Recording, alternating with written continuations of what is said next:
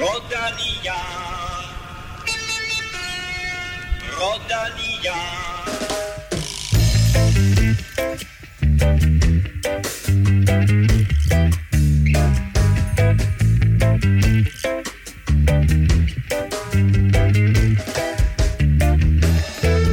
Vi plejer at sige det. Ingen vil råbe på podcast uden en ny dansker i Jesper Skibby Klubben. Magnus Kort har nu en etappesejr i turen, Vueltaen og Giroen, og jeg kan da godt røbe, at vi har et interview med verdens flotteste overskæg lidt senere.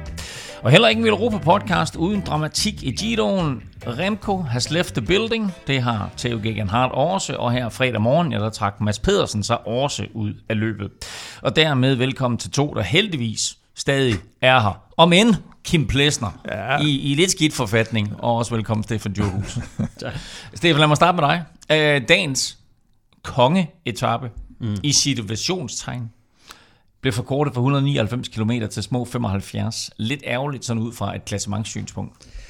Ja, det må man sige. Altså, man kunne også godt se, at det blev ikke den store klassementskamp, øh, som, som vi havde håbet på, det ville blive. Uh, de har jo taget mange kilometer af, og en del højdemeter af. Altså, de har jo forkortet den med at barberet over 50 procent af, af højdemeterne af etappen, ikke? så det, det siger lidt om, at, øh, at den her etape, som vi havde forventet ret meget af, den blev, den blev kan man sige, kastreret lidt kastreret. Dejligt udtryk. Ja. øh, Kim Plesner, så, så, galt, så galt gik det ikke for Remco, men han forlod... ikke så vidt vi ved. han, nej, men øh, han forlod dog øh, Giroen. Øh, betyder det, at han nu pludselig skal gøre sig klar til at køre Tour de France? Nej. Godt. og, og hvis man skal tro på Patrick Lefebvre, så skal han heller ikke engang køre Vuelta, men, øh, men lad os nu se. Men jeg tror, at turen, det, det, det giver meget god mening, han ikke skal det. Øh, hele den her proces, de er i gang med med Remco, øh, han fik jo lidt en losing for ja, efterhånden et par år siden, var det vel, hvor de begyndte at køre ham for hurtigt i gang, og, og nu har de lært lidt af det, så, så jeg tror ikke, de gør samme fejl igen, og, og kaster ham for løverne i turen efter det her. Jeg tror, det var også allesammens tanke til at starte med, ikke? Altså, jo, jo, det åbner altid Giro, Når man tænker, uh, nu øh, er det turen, men når man ser på, hvad de går ind til, at, at der kun er halvanden måned til, til turen starter. Ja. Øh, de har allerede øh, udtaget de rytter, der skal, der skal der ned. Øh, det bliver rigtig, rigtig presset for, for Remco, og lige at komme sig over sygdom. Han har lige peaked, så skal han direkte øh, på højdetræningslejr igen, og fuld fokus på, på Tour de France. Og når han så kommer der ned, så, så de har rytter, de har udtaget øh, i Quickstep allerede med, med Fabio Jacobsen til, til spurterne og, og Måske. Julian Alaphilippe. ja, eller, eller en, en sprinter skal til. Øh, og, og så Julian Alaphilippe øh, til at køre efter etappesejren. Så passer det ikke så godt ind, at Remco skal, skal komme ned med et stærkt hold, der skal køre klassement for ham. Og så har vi jo også det her tidlige VM i år i august i, i Glasgow, som øh, må ikke han godt vil se, om han kan få en, en VM-trøje mere. Som ligger Måske. lige efter turen. Så. Som ligger lige efter Tour de France, ja. Vi øh, taler meget mere om Magnus, og om Remco, og om alle de andre lige om lidt. Vi skal også tale om øh, dagens øh, ja, kongeetappe, der måske nu kun kan betegnes som en prins, efter man skal kronen af. Øh, vi skal naturligvis også quizze og have uddelt en kop til en af alle jer dejlige mennesker, der støtter på tier.dk. Uden jer, ingen podcast. Tak til alle, der har været med i lang tid. Og efter et par uger, et par udsendelser med masser af nye, så har vi faktisk kun fået tre til den her udsendelse. Men ikke desto mindre velkommen til Kvist, Hjalte og Jens. Vi er naturligvis glade for, at I bakker op, og at så mange af jer øh, derude har lyst til at bakke op om Velropa Podcast. Vi nærmer os altså nu 800 støtter. Så lad os lige krydse den der magiske milepæl til næste udsendelse. Øh, og har du ikke lyst til at støtte via TDK, TDK, så kan du gøre det på en anden måde, nemlig via shoppen. Du kan besøge den, fordi vi har introduceret det her nye begreb, der hedder månedens t-shirt, og i den her måned som lille hyldes til Stefan, Paolo Salvodelli. Paolo, Paolo Salvorelli. Der har vi introduceret uh, Il Falco t-shirten, uh, og den finder du på uh, i shoppen på velropa.dk. Mit navn er Claus Elming, og du lytter til Velropa Podcast, præsenteret i samarbejde med HelloFresh.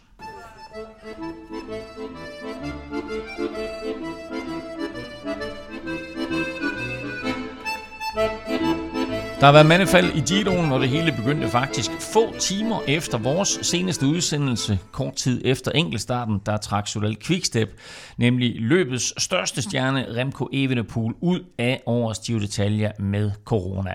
Men den beslutning, Kim, den vagte ikke lige stor jubel alle steder. Nej, den var vel ikke rigtig nogen jubel nogen steder. Øh, alle fans synes jeg også, det var ærgerligt, men, øh, men specielt La Gazzetta dello Sport øh, fik der i hvert fald Patrick Lefebvre, øh, Quicksteps team managers PCK, fordi øh, de mente jo, at de havde brugt det som undskyldning for, at de kunne trække øh, Remco ud af løbet. Øh, jeg synes, du sagde PCK. Jeg tænkte, hvad fanden er PCK? Men du sagde PCK. PCK, ja. Hvis man må sige det. det må man gerne. Ja. Og, øh, jamen, han, øh, og han mente jo, at øh, det var lige før, han ville tro med sagsanlæg øh, for, for injurier og så videre, eller, eller smede, hvad hedder sådan noget, smedekampagne. Ja. øh, men øh, med en mund. Det var, det var det italienske medie, så ved jeg, man kan ikke påstå, at det er et slovensk medie. Det var i hvert fald en slovener, der mente, at det var en helt anden årsag. Ja, men det, det er længe siden, jeg har hørt navnet Martin Vastia, som jeg godt kan huske fra, fra tidligere da han var aktiv rytter, og han, øh, han mente algiveligt, at øh, Remco så hjem, fordi han var bange for, for Roglic. Men der har jo været meget af det her mudderkastning og mentale spil, og den ene er nervøs for den anden, og hvad ved jeg, og rygter. Og, så, øh, så det lå vel meget godt i tråd med det, men, øh, men man ikke bare, han havde øh, ud. Vi har jo alle sammen set frem til det her opgør mellem Remco og Roglic. Det bliver så ikke til noget. Øh, men det er jo ikke, det er jo ikke længere ulovligt for en rytter at mm. blive i løbet, selvom han har corona. Og der var vilddag i mandag, så altså principielt mm. kunne Quickstep jo godt have ladet Remco blive, set hvordan det var gået mandag, og så måske tage beslutningen tirsdag morgen. Men det gør de ikke. De melder det ud søndag. Hvorfor det? Jamen, de har simpelthen sådan en principbeslutning, øh, og det, det tror jeg efter, de havde et, øh, et lidt alvorligt tilfælde med Tim de Klerk, der også fik corona, og bagefter fik hjerteproblemer og sådan noget, fordi han havde, han havde presset sin krop lidt for meget, så de gør simpelthen det, at de siger, jamen, vi ved, at han har det i kroppen, og vi ved ikke, hvad der sker, hvis vi presser mm. en rytter med covid i kroppen. Hvis han presser sin krop fuldstændig vanvittigt i to uger, så ved vi ikke, hvad, hvad langtidsvirkningen bliver af det. Så for ikke at ødelægge en, øh, en ung cykelrytters øh, fremtid, og både nærmeste og, og, og, og lidt længere fremtid, så, så tager de simpelthen øh, folk, der tester positivt ud, fordi de, de siger, at der er ikke nok viden om, om det her. Øh, og, og, det, ja. og så talte vi jo lidt om, øh, om den der helikoptertur øh, i sidste uge, ja, det er rigtigt. hvor, hvor hele Quickstep-holdet blev flagtet ned fra El Gran Sasso i helikopter. Var... Og øh, jeg ved ikke, om det var den, men i hvert fald så ender det med, at der er fire andre quickstep-ryttere, som også bliver taget ud af løb ja. på grund af corona. Ja, det er rigtigt. Det, kom, det var lidt pudsigt. Det kom lige efter Lefebvre også havde brokket sig over den der artikel i, i La Gazzetta, så man tænkte også, okay, er det så sådan en uh, strafaktion der? Han lige siger, nej, så, så hiver vi sgu næsten hele holdet ud. Men det er det nok ikke, fordi det er heller ikke så spændende kun at være tre rytter tilbage på, på, på et mandskab dernede. Men, men ja, det er rigtigt. Den kan vise sig at have været dyr, den helikoptertur. Hvis det var den, der ligesom var, ja. hvad var det, vi kaldte den? Covid-chopperen, eller ja. hvad var det, du kaldte den? Nej, det kan jeg faktisk ikke huske. Hus, hus chopper super, superspreder. Super, super spredt chopper, det var det, du kaldte den.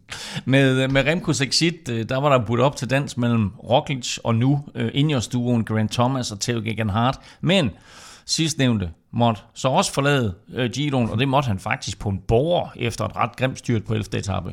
Ja, altså man ser jo på, på en af de her nedkørsler, der er også, øh, der er også vådt, øh, og, og rytterne fryser jo øh, rigtig, rigtig meget.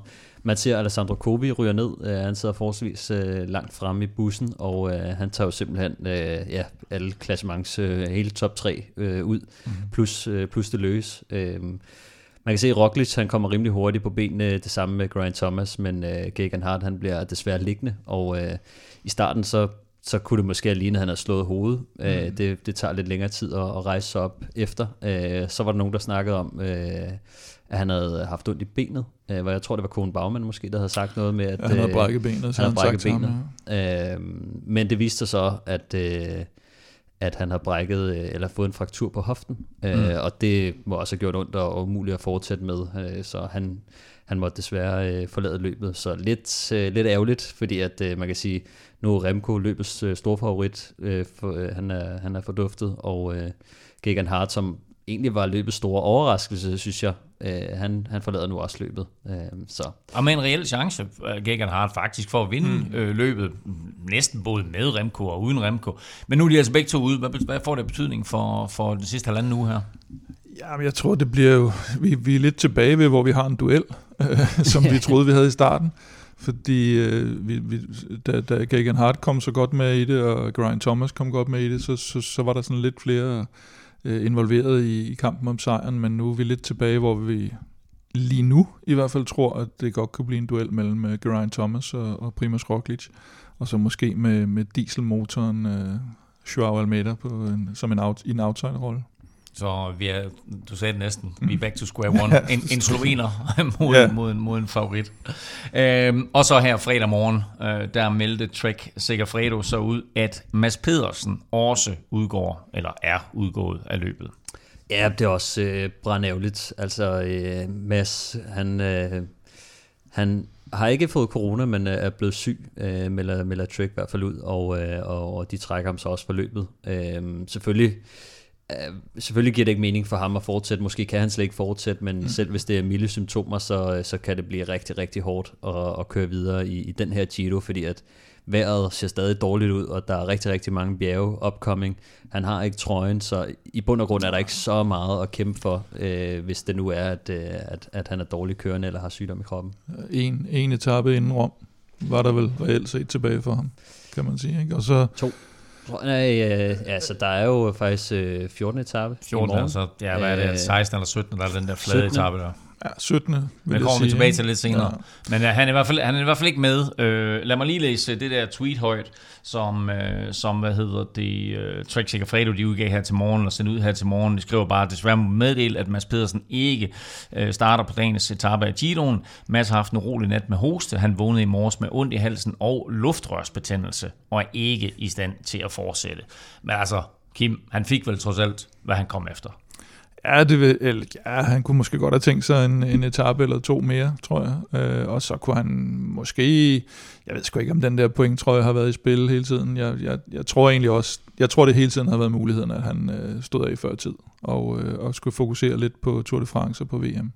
Øh, alt efter, hvordan det gik i, øh, i Giroen, og i det, han har fået sin etape, i det, det ser ud til, at det bliver en, en, en ret hård kamp, hvis han skal have pointtrøjen, og der ikke er ret mange chancer tilbage. Så, øh, så så skulle der ikke et brækket ben til at hive ham ud, men, øh, men så er der ikke nogen grund til at fortsætte, hvis der er det mindste, det mindste bøvl. Tænker du, at det var lidt mere planlagt, end det var... Øh... Jeg tror, det har været, eller det har jo været med i planen hele tiden, tror jeg, at der var en mulighed for at tage ham ud, alt efter hvordan det gik.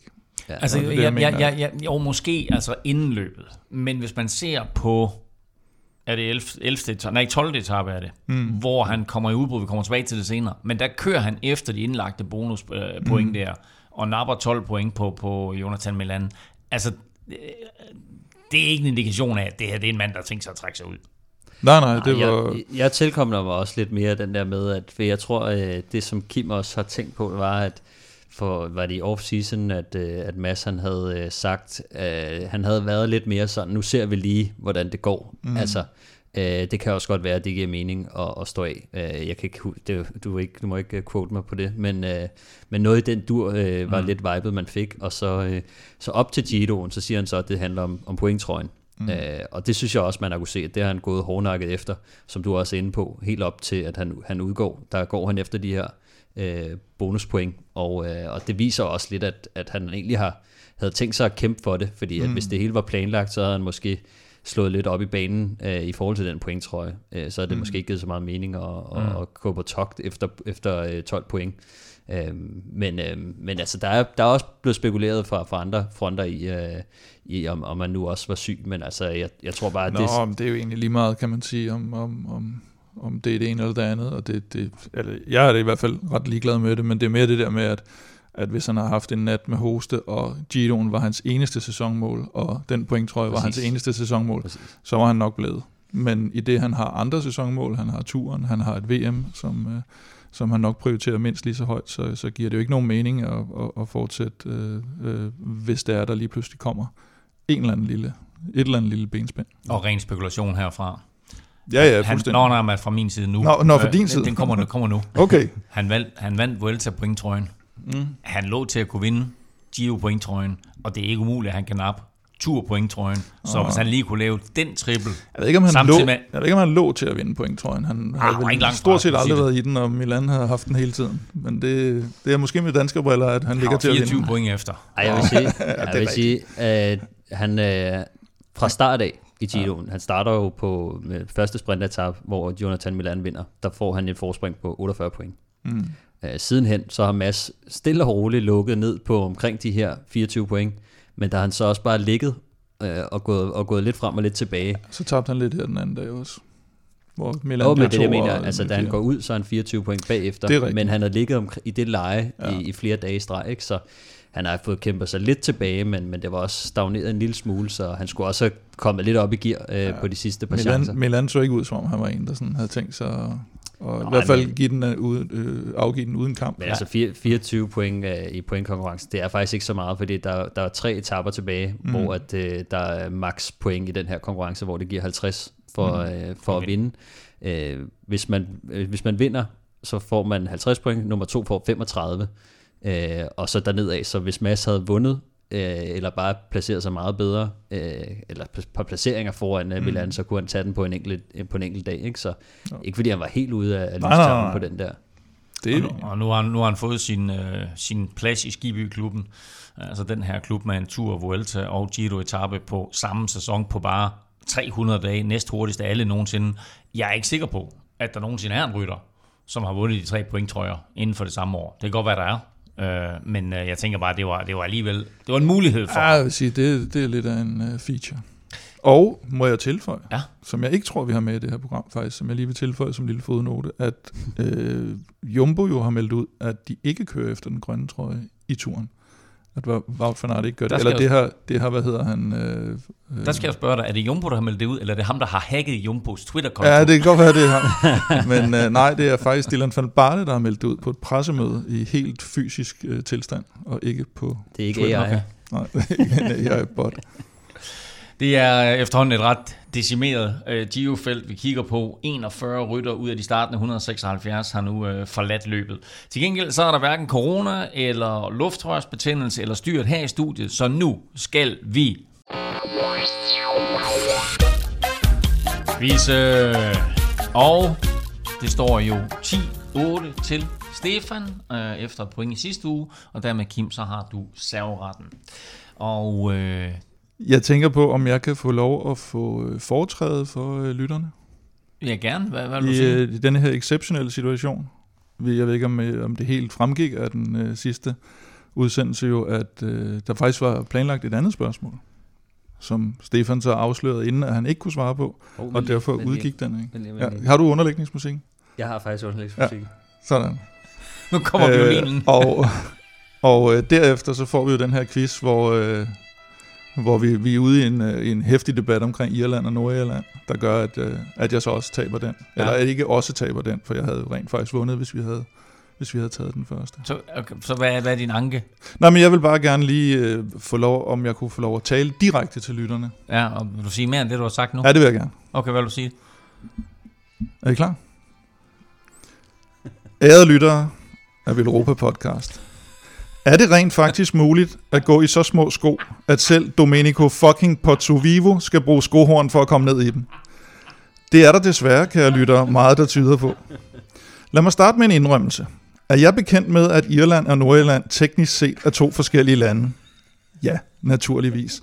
Men blev de indledende etapper i Giro d'Italia 2014 kørt i både Nordirland og Irland? Ja, det gjorde de. Og blev det dengang i bred forstand betegnet som Giro-starten i Irland, for eksempel på Velo News, GCN, Irish Independent og endda af de irske cykelforbund. Og er fællesnævneren i de to ord, ord Nordirland og Irland, netop Irland. Turstarten i Danmark sidste år blev herhjemme officielt, øh, eller også betegnet som netop turstarten i Danmark, selvom det officielt hed Grand Depart Copenhagen. Gud, jeg tænker du, København. Det er jo slet ikke et land, det er jo derimod en by, hvilket jeg også er bekendt med. Og startede Giroen i 2012 i det hele taget i Danmark, som Stefan sagde, eller retteligt i Jylland og Herning, som vi alle sammen ved, Elming i særdeleshed er noget helt, helt andet. Håndbold, bones, bagne, markræs, voldbeat, og jeg kunne blive ved. Og vidste du, kære lytter, at der er 310 km mellem København og Herning, og blot 169, altså cirka halvdelen mellem Belfast og Dublin. Sinn Féin, britterne, blev for længe siden enige om, at det var på tide at begrave stridsøksen i den gamle konflikt mellem Irland og Nordirland. Nu kommer Elming så her med sine dumsmarte bemærkninger og puster i den grad til ilden. Det synes jeg er trist. Jeg synes, det er skamligt og på en måde særdeles krænkende over for vores irske venner. Uanset om de måtte være fra nord eller syd. Jeg vidste da godt, at Elming elsker Sunday Bloody Sunday. Men indtil for en uges tid siden, så troede jeg kun, der var tale om musikken. Mere har jeg ikke at sige til. Okay, altså for dem, der ikke hørt afsnittet i sidste uge. Quizzen gik ud på, hvor startede Giroen hen i, altså over hvilke forskellige lande, og der siger Kim, at Giroen startede i Irland, hvilket mm. ikke er i 2014, hvilket ikke er korrekt, men den startede i Nordirland. Og derfor får vi så hele den svada, og lad mig bare lige, Kim... Irland, Smirland. Lad mig bare lige, Kim, øhm, komme med følgende fra, fra Giro Detaljas egen historiebog. 2014-udgaven af Giro Detalja begyndte i Belfast, Nordirland.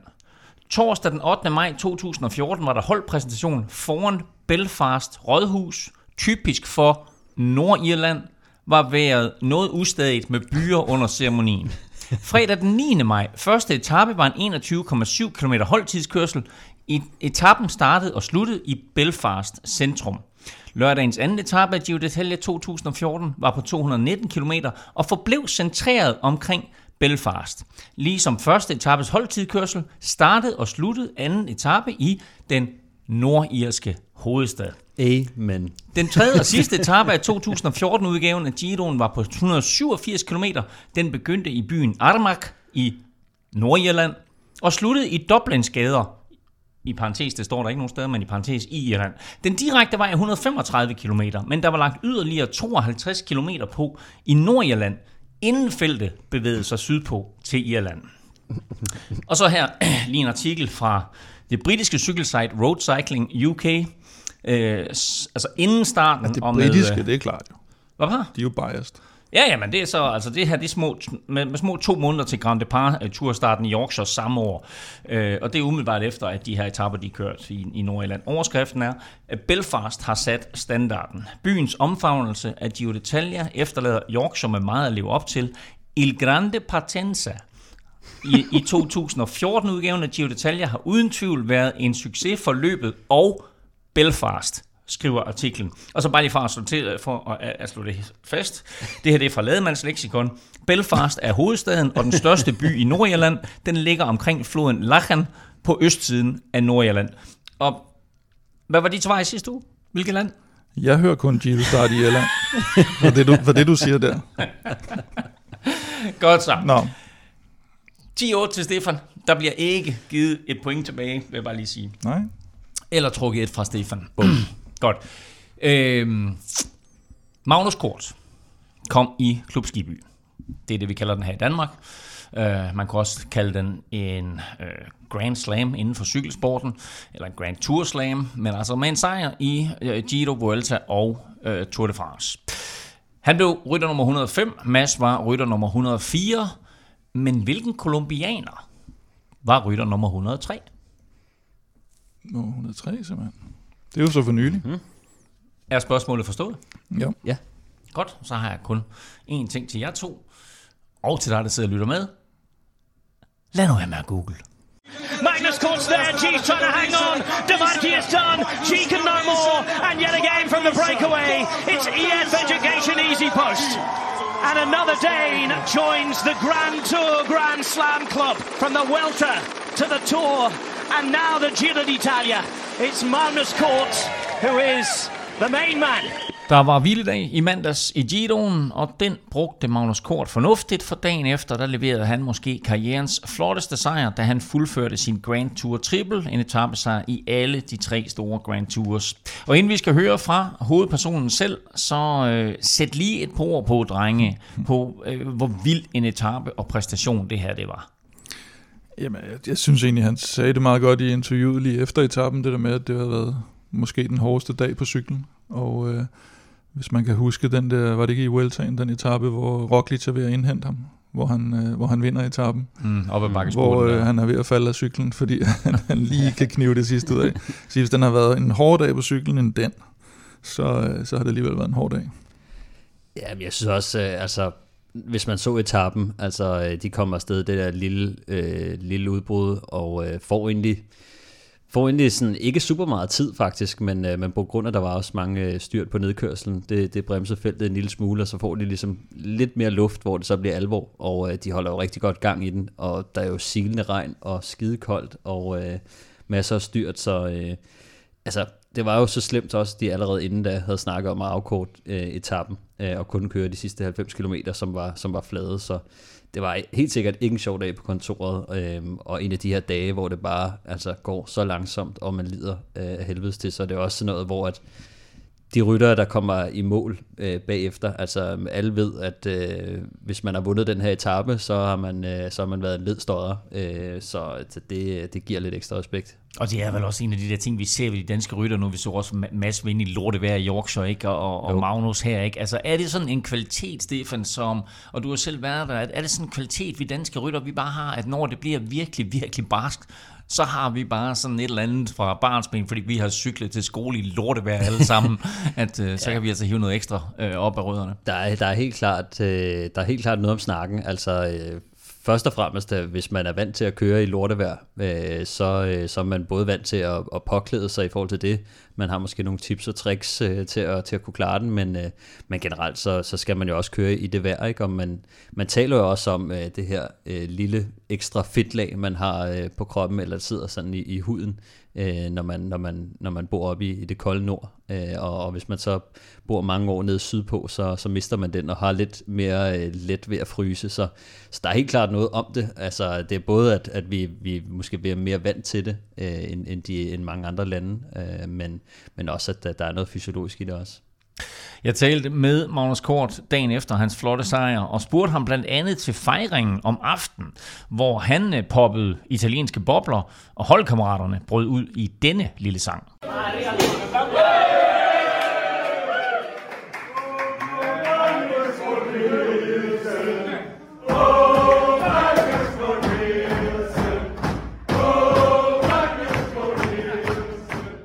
Plejer at synge, og den er det ved at få meget godt øh, efterhånden, så det, det, det er morsomt. Vil du prøve at gengive sangen for mig? Nej, jeg, jeg vil helst ikke selv uh, kaste mig med at synge.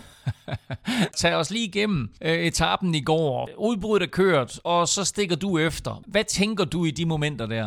Øh, jamen, jeg har faktisk øh, tabt overblikket over, hvad, hvad der er øh, tilbage foran feltet. Jeg kan se, at de øh, blokerer vejen, og, og jeg har sådan siddet og, og dingler lidt om, om bagved, og har svært ved at følge med. Men for at kæmpe mig udenom i, i siden og, og køre, og, og sidder så egentlig bare og skriger desperat i radioen for at høre om, øh, hvad jeg har foran mig. Og, øh, ja, hvor, hvor langt jeg kan forvente, der er op. Og da du så kører, så får du hurtigt sådan, hvad skal vi sige, to tredjedele øh, hente det forspring, men så strander du lidt der. Altså, hvilke tanker går der igennem hovedet på en? Er man ved at opgive, eller hvad tænker du? Ja, det var øh, det er ikke så sjovt at sidde derude på, øh, på mellemhånden. Øhm, men øh, det var heldigvis en tilpas kedelig en etab, så jeg havde heller ikke meget lyst til at sætte mig ned i, øh, i feltet. så, øh, så, så, det, så udover selve etappesejren selvfølgelig kunne, kunne være mulighed for udbrud, så også bare det at, at ende derude, øh, hvis det ville være, være en sjov dag. Det var koldt, der var mange styrt. Du sagde efterfølgende, at det var den hårdeste dag, du nogensinde havde haft på en cykel. Det var det. Øh, hovedparten af højdemeterne lå på de første 90 km øh, af etappen, og, øh, og vi håbede på i udbrud, at vi ligesom kunne, kunne knække øh, sprinterholdene. Øh, så, så derfor så trykkede vi på øh, hele tiden, altså til, til toppen, til, til kilometer 90.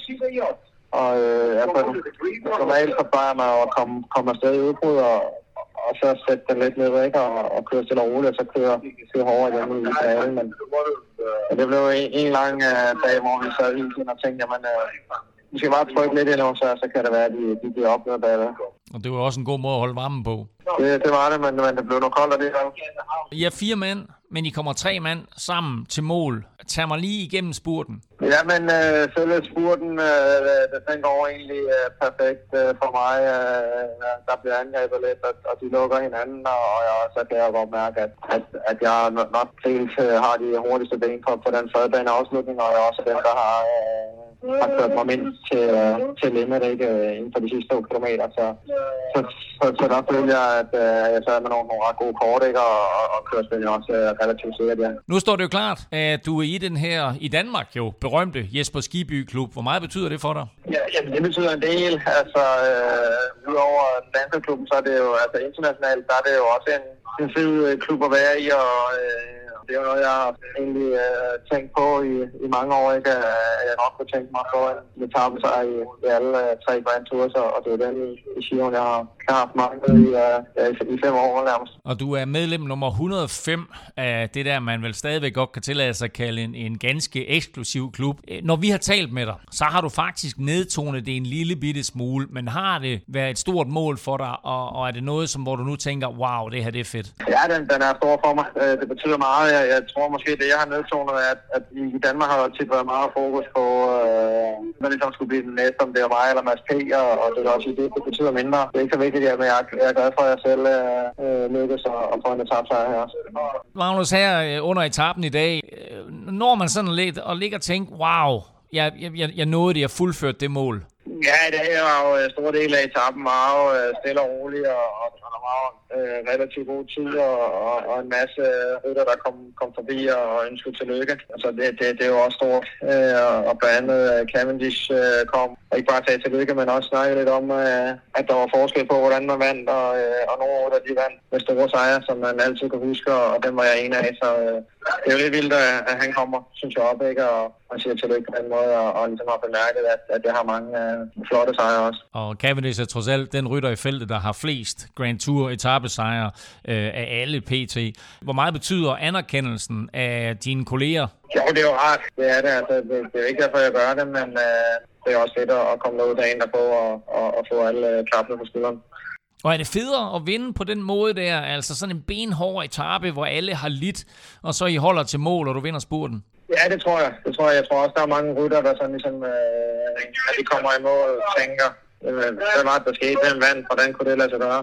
Øh, og, og på den måde sådan ligesom lige tager, tager hatten af en ekstra gang og, og siger chapeau. Det var, det var vildt godt.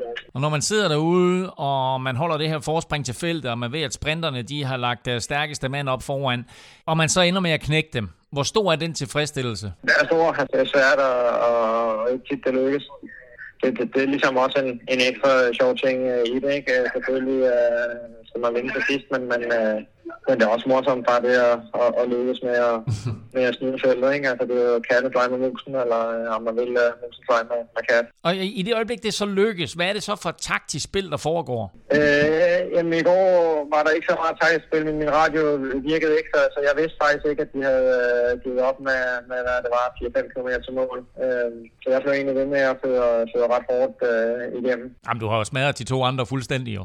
Ja, det ved jeg nok ikke. Jeg synes godt nok, at de to, uh, øh, de to får sig øh, af føringerne. Det er i hvert fald ikke noget, jeg kunne have gjort alene. Tror, tror du, det hjælper lidt, at, at Demarki, han havde været ude et par dage før og blev hentet med 300 meter til mål, og så tænkte han, det skal ikke ske igen? Ja, det tror jeg. Altså, jeg tror, de, de havde været tæt på uh, før, og, og, og nu var de nødt, nok nødt til at, at køre hjem, selvom at, at det var en svær afslutning for, for ham nok. Altså, man var så flad der. Og så spillede du den jo iskoldt, først ind på hjul af den ene, og så ind på hjul af den anden, og så tog du spurten der til sidst. Var det lidt en gave, de, de gav dig der? Jeg ved ikke, om det var en gave, men altså, den, øh, det, det, endte med at blive kørt til min, øh, min fordel i den, den absolutte finale, og, øh, og det ser jeg da bare tak for. Og når du sådan øh, kommer til at kigge tilbage på din karriere, er, er det så den her tur, Vuelta Giro Triple, er det den, som kommer til at, at stå tilbage for dig som noget af det største? Ja, det tror jeg. Altså, det, det totale antal af etappesejre i, i Grand Tours, ikke? det er jo også, uh, også noget, der, der ikke er mange folk, der, der har på, på siden. Du er oppe på 9 nu, Grand Tour etappesejre, og dermed så er du faktisk den dansker med flest etappesejre i Grand Tour sammenhæng. Hvor meget betyder det for dig?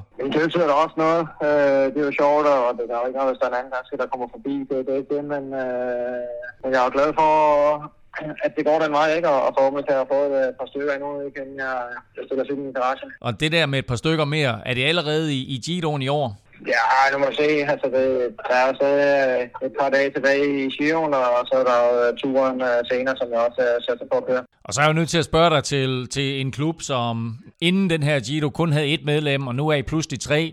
Jesper Skiby, Mads Pedersen og dig selv. Der er noget med, at der er en julefrokost på vej. Ja, det er der. Så øhm, og det, den, den glæder jeg mig meget til. Jeg, der har jeg høje forventninger. Det tror jeg bliver sjovt. Vi, er, vi, vi forventer masser af videoer for den aften. Ja. Det er fedt, Magnus. Kæmpe stort tillykke med at have fuldført Tour, Vuelta, Giro, Trioen. Kun medlem nummer 105 i den klub. Kæmpe stort tillykke. Mange tak. Stefan Fælde, de måtte opgive jagten på, øh, på kortgruppen der til sidst. Øh, vel sagtens også, fordi de, de slet ikke hentede ind på dem de sidste ja, hvad, 15 kilometer. Hvad, hvad skete der helt præcist? Jamen, ja, der var ikke så mange øh, hjælpere eller lead outrytter tilbage i feltet simpelthen. Øh, det var jo, altså, som vi også snakker om, det var en, øh, der var masser af regn, der var masser af styrt, øh, da de kommer ned fra, fra bjerget der og skal til at øh, samle op på, på jagten igen. Der, der er bare ikke særlig mange tilbage i feltet til at gøre arbejdet. Og øh, vi hørte også Mads sagde, at, øh, at der ikke var så mange, men at, at han sendte sin ene hjælperytter frem for at, for, for at give den los, men... Øh, men hvem skulle så overtage efter han? Ligesom, øh, man kan kun køre i, i, i øh, ja, hvad, fem minutter måske, i, i den fart, der skal til for at lukke på sådan en gruppe der. Ikke? Man skal gerne være flere om at, om at, om at hive det ind, og øh, det var ikke helt struktureret nok. Altså, det kan godt være, at der har været nok hjælpere i gruppen øh, samlet set, men de formår ikke rigtig sådan at, at føre på samme tid, øh, så det bliver sådan noget lidt lappe noget, hvor at der, så kommer der en frem, så giver han den lidt los, så stopper han, så går farten lidt af, så kommer der en ny og giver den, øh, giver den los, så til sidst så, så fungerede samarbejdet ikke, altså havde, havde det ikke regnet så meget, eller øh, øh, ja, så, så tror jeg, at de havde siddet flere, simpelthen. Altså, øh, det, det er svært, øh, når, når der er så meget klatring, så øh, man skal have gode ben, og man skal undgå styrt, og man skal have varme, og ja, i sidste ende, så tror jeg også bare, at det kommer til, til Magnus Kort og Kortgruppens fordel, at øh, de har siddet derude og holdt, øh, holdt sig varme ved at, ved at give den gas. Altså, øh, det, det dur ikke, når man kommer man har siddet og, og, og sparet sig på nedkørselen, og så når man rammer bunden, så skal man lige pludselig køre, køre 100%. Øh, det, det er ikke noget, som, øh, som er så nemt. Altså, det, det lyder måske lidt øh, mærkeligt for dem, der ikke har prøvet det, men øh, når man er iskold og skal, øh, skal give den maksgas, så, øh, så ligesom om kroppen ikke helt vil, øh, vil det samme, som, øh, som hovedet vil. Øh, og det, det kommer nogle gange øh, udbryderne til gode, især i de der rigtig kolde dage. Magnus Kort, han øh, stikker af der halvvejs fra, fra feltet, og han er jo meget insisterende øh, på at komme op, øh, og ender så med også at komme op til øh, Derek G og, og Demarki. De to har ligget længe ude foran alene. Hvad tænker de, da, da, da de ser Magnus Kort komme op? Magnus Kort Nielsen komme op? ja, jeg tror, de tænker, at pis, øh, det, det, der røg deres chancer lige fra, øh, fra 50% til, til 5% hver måske. Øh, man kunne også godt se, at, at de prøvede egentlig at holde, øh, holde kæden stram, øh, da Magnus han lå på, på mellemhånd. Det blev lidt øh, en hård opkørsel for ham, øh, og det tror jeg simpelthen, de gjorde med vilje. Enten for, at han slet ikke skulle komme op og, og miste modet, eller også så bare for, at det skulle koste rigtig mange kræfter for ham, øh, mm. som minimum. Øh, men desværre, når han først kommer op til dem, så tror jeg bare, at de har tænkt, at det bliver en, det bliver en rigtig svær opgave det her, og øh, specielt når de skulle holde så meget sammen for at komme, komme hjem til stregen, så, så hvis de nu havde fået foræret øh, 8 minutter, så kunne der måske have været lidt mere spil imellem dem, men, øh, men de blev nødt til at, at, at arbejde rigtig godt sammen øh, til, til ret sent i løbet, og som, som Kort også selv sagde, øh, hans radio virkede engang, øh, så han vidste ikke, at de havde givet op til sidst. Øh, det har de andre sikkert heller ikke vidst, øh, så, øh, så de har jo bare troet, at hellere prøve at give den et skud og komme hjem og køre om det, øh, end, at, end at bare give op, øh, begynde taktikken 10 km ude. Ikke? Så, øh, så, men ja, det, det, det, det er jo fedt for os, at øh, Kort er der, men øh, når man får en rytter op til sin udbrudergruppe, der er så hurtig i en spurt, øh, og er så erfaren, øh, han ved udmærket godt, at han er den hurtigste. De andre ved det også godt, så Kort han ved også, at de vil prøve at komme med et overraskelsesangreb, så, så, så længe han bare øh, holder, øje, holder godt øje med de andre, så, øh, så har han den øh, næsten stensikkert. Og, og det var stensikkert. Det var vanvittigt overlegen, den måde han kørte spurten på. Øh, Kim, øh, lige på ord på kort og hans øh, kort slam, fordi øh, nu er han jo altså for alvor ved at skrive sig ind i historiebøgerne. En Grand Tour triple, og også flest Grand Tour etappesejre af alle danske rytter gennem tiden. Ja, den rekord havde han jo i forvejen, kan man sige. øhm, men ja, som du siger, når vi, vi har efterhånden haft nogle, nogle ret gode cykelrytter i Danmark øh, gennem tiderne. Og øh, nummer to, det er altså... Efterhånden. det er kommet sådan lidt. Nå, men hvis man ser over hele verdenshistorien, så er Bjarne Ries stadigvæk nummer to med seks stykker, ikke? og, og, og Kort er altså nummer et med ni nu. Mm. Så det er noget af en, en føring, han har. Det er klart, at Mads P. og, og Vingegaard, de kan, de kan måske hælde lidt ind hvis, øh, hvis, kort, øh, hvis vi går ud for, at kort er færdig. Det tror jeg så heller ikke, han er med at, at, at vinde lige forløbig.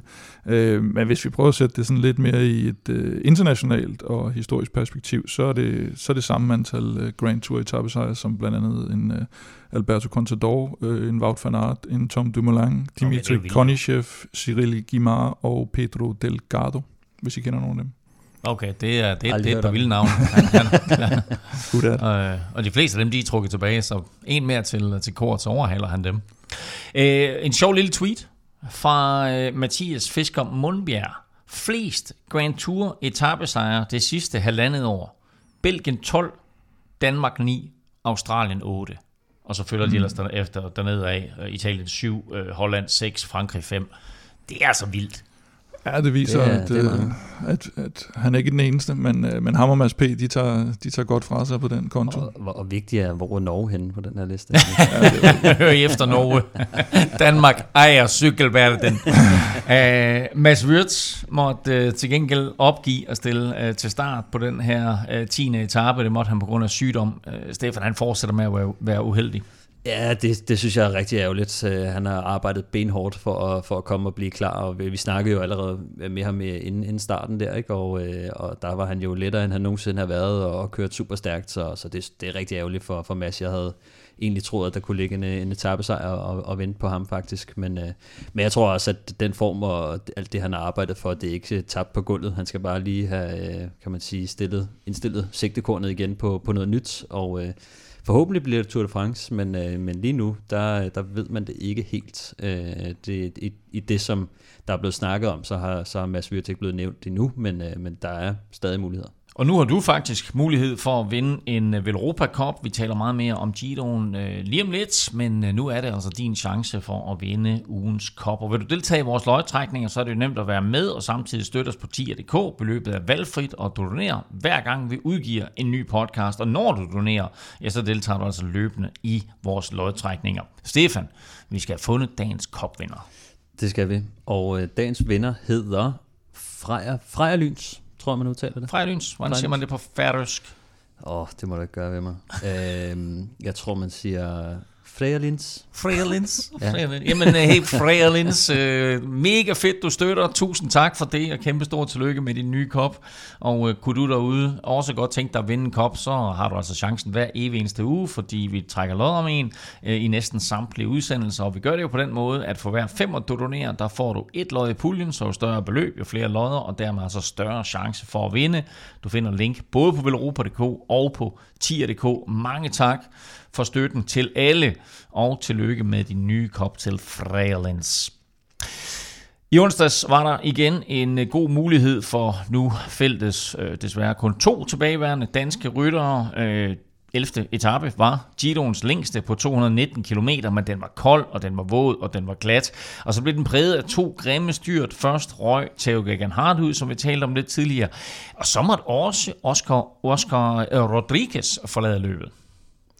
Ja, men altså, det er jo kort efter øh, det styrt, vi så der, så, øh, så skete der lige pludselig et styrt med Oscar Rodriguez. Øh, han, øh, han rammer vist lige en, øh, en Ineos-rytter, og så, øh, så ryger han ud i, i det her vejskilt, der står, og så efter vejskiltet ind i en, øh, i en husmur. Men jeg vil sige, altså det, det, det, er næsten, det er næsten godt, at det vejskilt står der, for ellers så tager ja. han den direkte ind i husmuren. Ja, det, det vil jeg også sige, altså det, men altså det, det er et af de her slemme styr. Altså jeg synes, det, det, det er altid så voldsomt, når man ser nogen med, køre ind i noget med, med fuld smæk på. Mm. Altså det, puh, uh, men også sådan lidt øh, unødvendigt fordi de kørte nærmest og snakkede. Jeg, jeg ville også have kørt øh, udenom, hvis det var mig. Nå ja, altså, det var som om, at de sådan kørte lidt og snakkede om, hvad der var sket før, og så lige ja. bum, så ligger han bare derude og, og havde åbenbart øh, beskadiget sine nyere ret voldsomt. Okay. Det var det, var det seneste, jeg har hørt, og ligger, Jamen, det ligger på hospitalet. Det så slemt ud. Der var, der var godt gang i ambulancedriften lige der på, på 11. etape.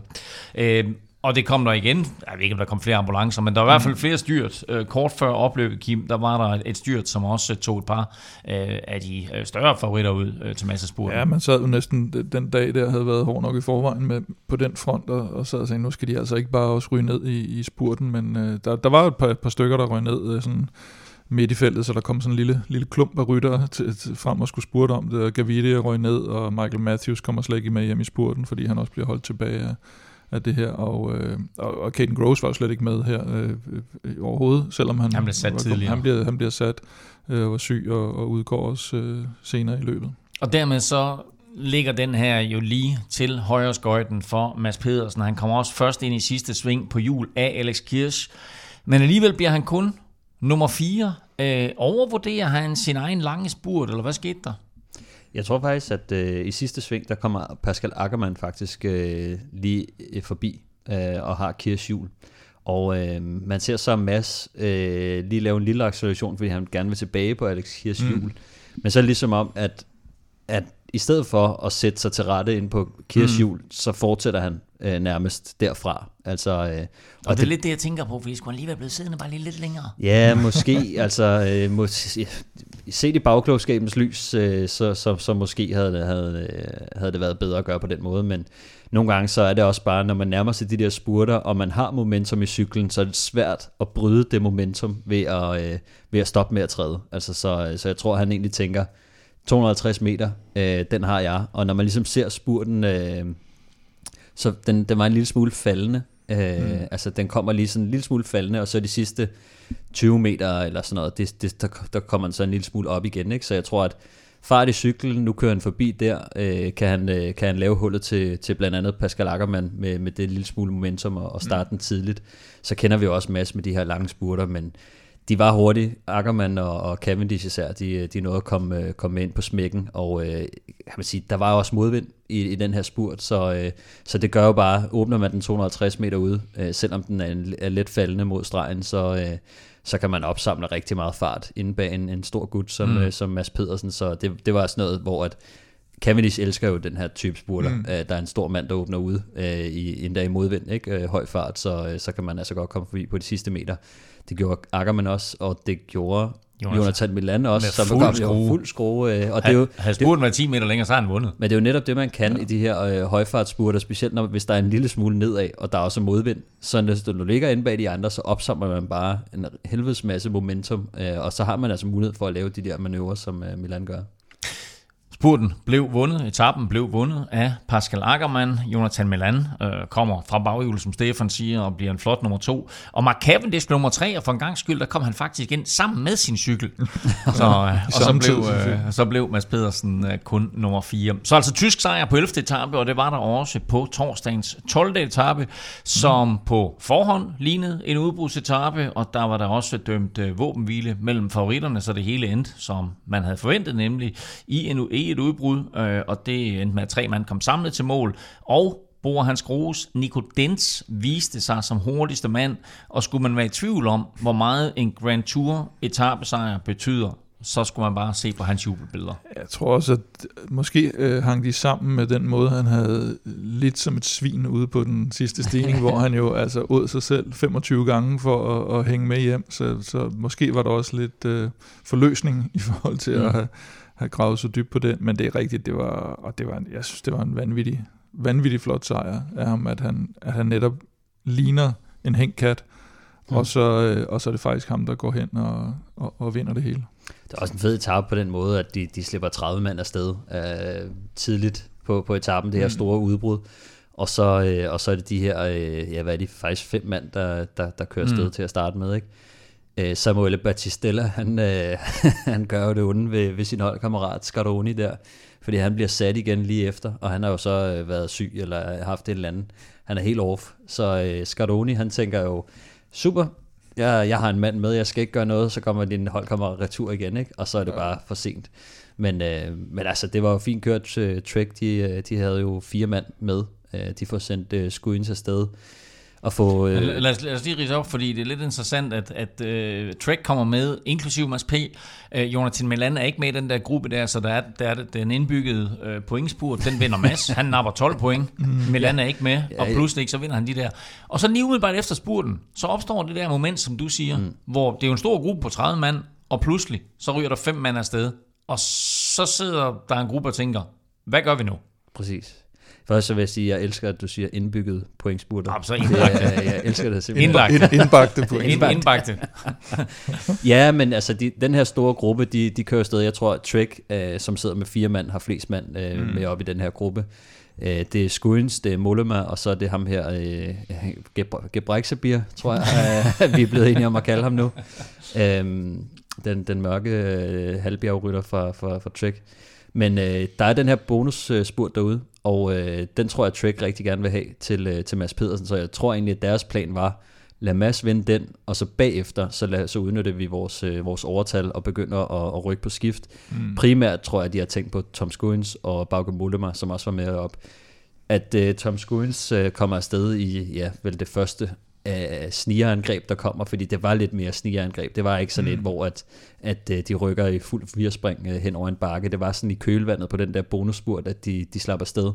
Og det er jo, det er jo fint øh, at Trek de får, får en mand med i den her situation. Selvom de var fire i en 30-mandsgruppe, så, er det, så var det også fint at få en mand i, i en firemandsgruppe. Øh, så man kan sige, i bagklogskabens lys, der havde det måske også været fint at få Bauke med, øh, som måske kunne have, ja. have sat øh, Nico Dens på den sidste stigning, men øh, det er en fin chance. Altså, når man får sådan nogle foræret, så, øh, så tager man dem, i stedet for at, at prøve at, at lave det om. Det vil øh, skabe noget, skabe noget værre rod. Øh, men, øh, men, men super fed etape, altså virkelig velfortjent af, af Nico Dens, som, øh, som endelig får sin etape. Jeg tror, han var tæt på at vinde en... Øh, en etape i Giroen øh, i det var, det var 2018, mm. tror jeg det var, øh, hvor han havde kommet hjem med øh, Matej Mohodic, og øh, desværre ikke vandt den spurt.